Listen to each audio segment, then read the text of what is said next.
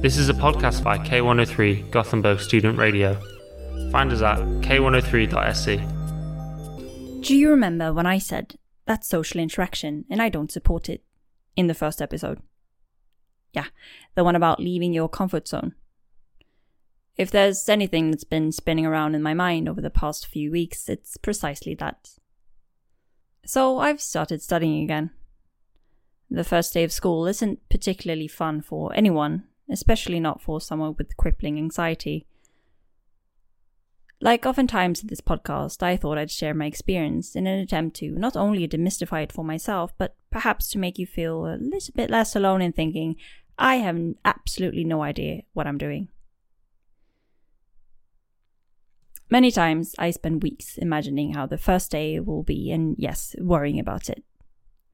This year, I had a lot of bits and bobs planned in the weeks leading up to the first day, so instead of burying myself in what if thoughts, I had to go with another coping strategy. I call that one put all my worries in a suitcase and sit on it until the zipper breaks. That is a problem for future me.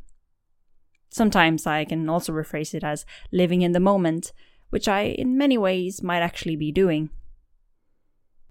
Anyways, I woke up on the first day, and the first thought that crossed my mind was, mm, no thanks. But I got up, put on the carefully chosen clothes I had uh, picked out from the day before, which I'll probably never lay out so meticulously again. I remember back to high school. Back then, I, I chose my fanciest outfit on the first day because, you know, you want to impress. Now the strategy is the opposite to positively surprise my classmates as the semester goes on. So, makeup, well, that was put on, hmm, yeah, not too carefully. Another thing, I had absolutely no idea what I was doing when it came to the planning part of my morning.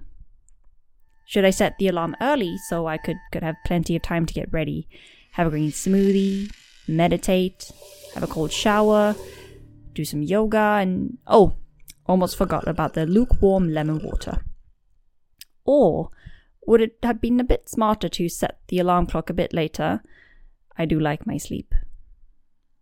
The solution became a combination of both. The alarm went off early, yay me, but the morning ended up being just as hectic. Breakfast was hastily consumed, no green smoothie either, only half of my teeth were brushed, and the burnout wall inched closer. All of this just to sit there, paralyzed, caught in an anxiety spiral for about 20 minutes before I had to run out the door to catch the tram. The tram arrived at the station, and I, along with a bunch of nervous teenagers or young adults, synchronously made our way toward the school building. Of course, the classroom was on the top floor, and for a moment I felt kind of proud of myself for being so early five minutes before the designated time. I had assumed that I would wander around for at least 30 minutes. Don't even ask me why I hadn't allocated any time in my plan for this. It was probably the uh, problem for future me mindset. However, the feeling of pride quickly disappeared and was replaced by panic when I entered the room, which was completely stacked with uh, perfectly placed students. Panic mode was on, and suddenly it felt like something was pulling me toward the far end of the room. Who was I to protest? I half ran to the back row, ending up on the far left. I called it the social anxiety corner. When the teachers started talking, it felt pretty nice because everyone was now just as socially awkward as I was, sitting quietly in their seats. So my mind was calm right up until I heard the sentence you despise hearing on the first day. Let's have a little break, shall we? Damn it. Everyone stood up, and I felt like a little lost paper in a hurricane. I decided to go with the flow and hope for the best. After walking down the stairs, I eventually reached the ground floor. And then suddenly the stream of people had disappeared into various corridors. So I decided to resort to the classic move escape to the restroom. Did I need to go? Absolutely not.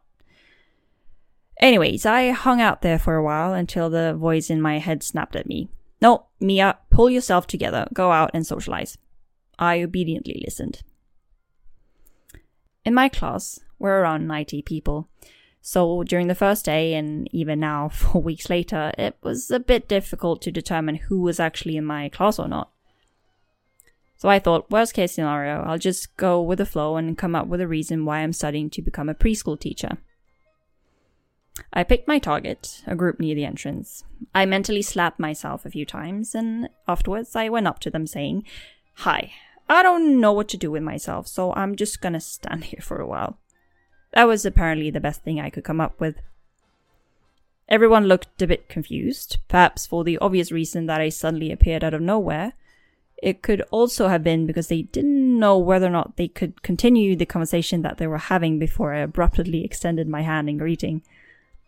It got quiet. So I babbled on. A little disclaimer here is that I blacked out for a bit and I don't entirely remember what I said and didn't. Perhaps for the best. Hi, I'm Mia. Since there were about five or six people in the group, instead of a natural conversation, it turned into more of a get to know each other exercise. Hi, I'm Mia. Hi, Mia. So we went around, each person introducing themselves.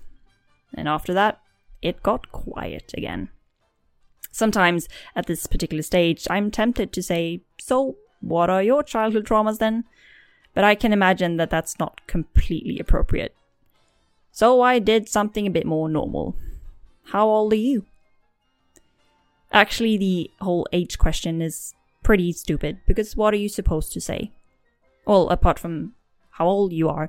But what I mean is that as social beings, we like the conversation to continue smoothly, which is why we sometimes add a few follow up questions. But with the age question, it usually just leads to someone feeling insulted. What? You're 30. You look like you're 16. Or, as it often happens with me, oh, you're 22. You totally look like you're 30. Yeah, 30 is the record so far. But thankfully, it was time to go back inside before I could insult anyone. Or probably more likely, before I got insulted. When we were seated again, the teacher started by saying, I am so glad to see that so many of you changed seats to talk to someone new. I smiled, nodded in agreement in the same social anxiety spot as before. When the lecture ended, everyone rushed out of the room, except for everyone sitting on my row because I was blocking everyone with my pens, notebooks, and other unnecessary items I had placed out in front of me. I quickly threw everything in my bag and walked down the stairs, still feeling a bit like a paper. But instead of swirling back and forth in the wind, I was a little bit more wet and used. Days like these come, but fortunately, they also go. Overall, I feel like it went pretty well. Yay me. But also, yay you for surviving your first day of school, work, or anywhere else. We are killing it. Or like we say in Swedish, fan vad kung.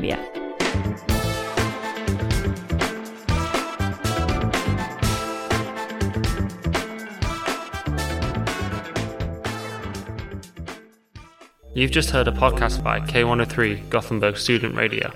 You'll find all our shows at k103.se. Follow us on Facebook or Instagram. Stay tuned.